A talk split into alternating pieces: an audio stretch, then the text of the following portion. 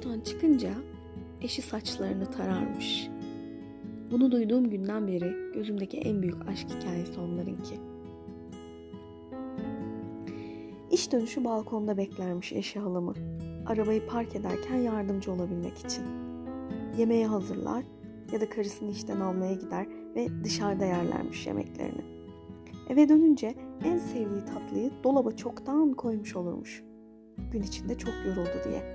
Sen uzat ayaklarını dinlen dermiş. Bazen o tatlıyı elleriyle yedirirmiş. Torunların önünde dans ederlermiş. Sarılır, öperlermiş birbirlerini. Bir sürü dans videoları var şimdi. Çiçek getirir verirmiş bir gün. Bir gün sen iste yeter dermiş. Bir gün sen yorulma dermiş. Bir gün seni seviyorum dermiş. Hepsi halamın ömrüne hediye niyetineymiş. Kraliçelerde yok benim rahatım derdi halam yuvasındaki huzuru anlatırken.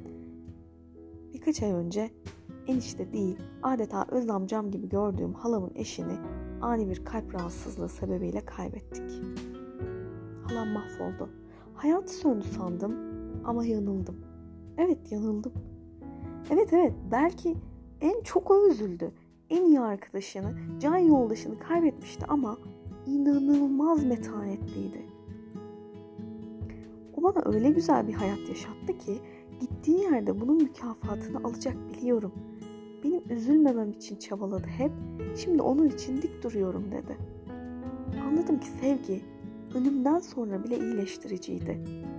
Öte yandan yıllardır eşiyle ciddi problemleri olan bir başka akrabam eşini kaybettikten sonra depresyona girdi, tedavi görüyor. Çünkü sevgisizlik, yaşanamamış ve artık telafisi olmayan şeyler insanı hasta ediyor. Keşke sırf bu kadarını bilseydi insanlar. Dünya sevgisizlikten kırılıyor. Yalnız sevgiye tutulmuş olanlar ayakta kalıyor.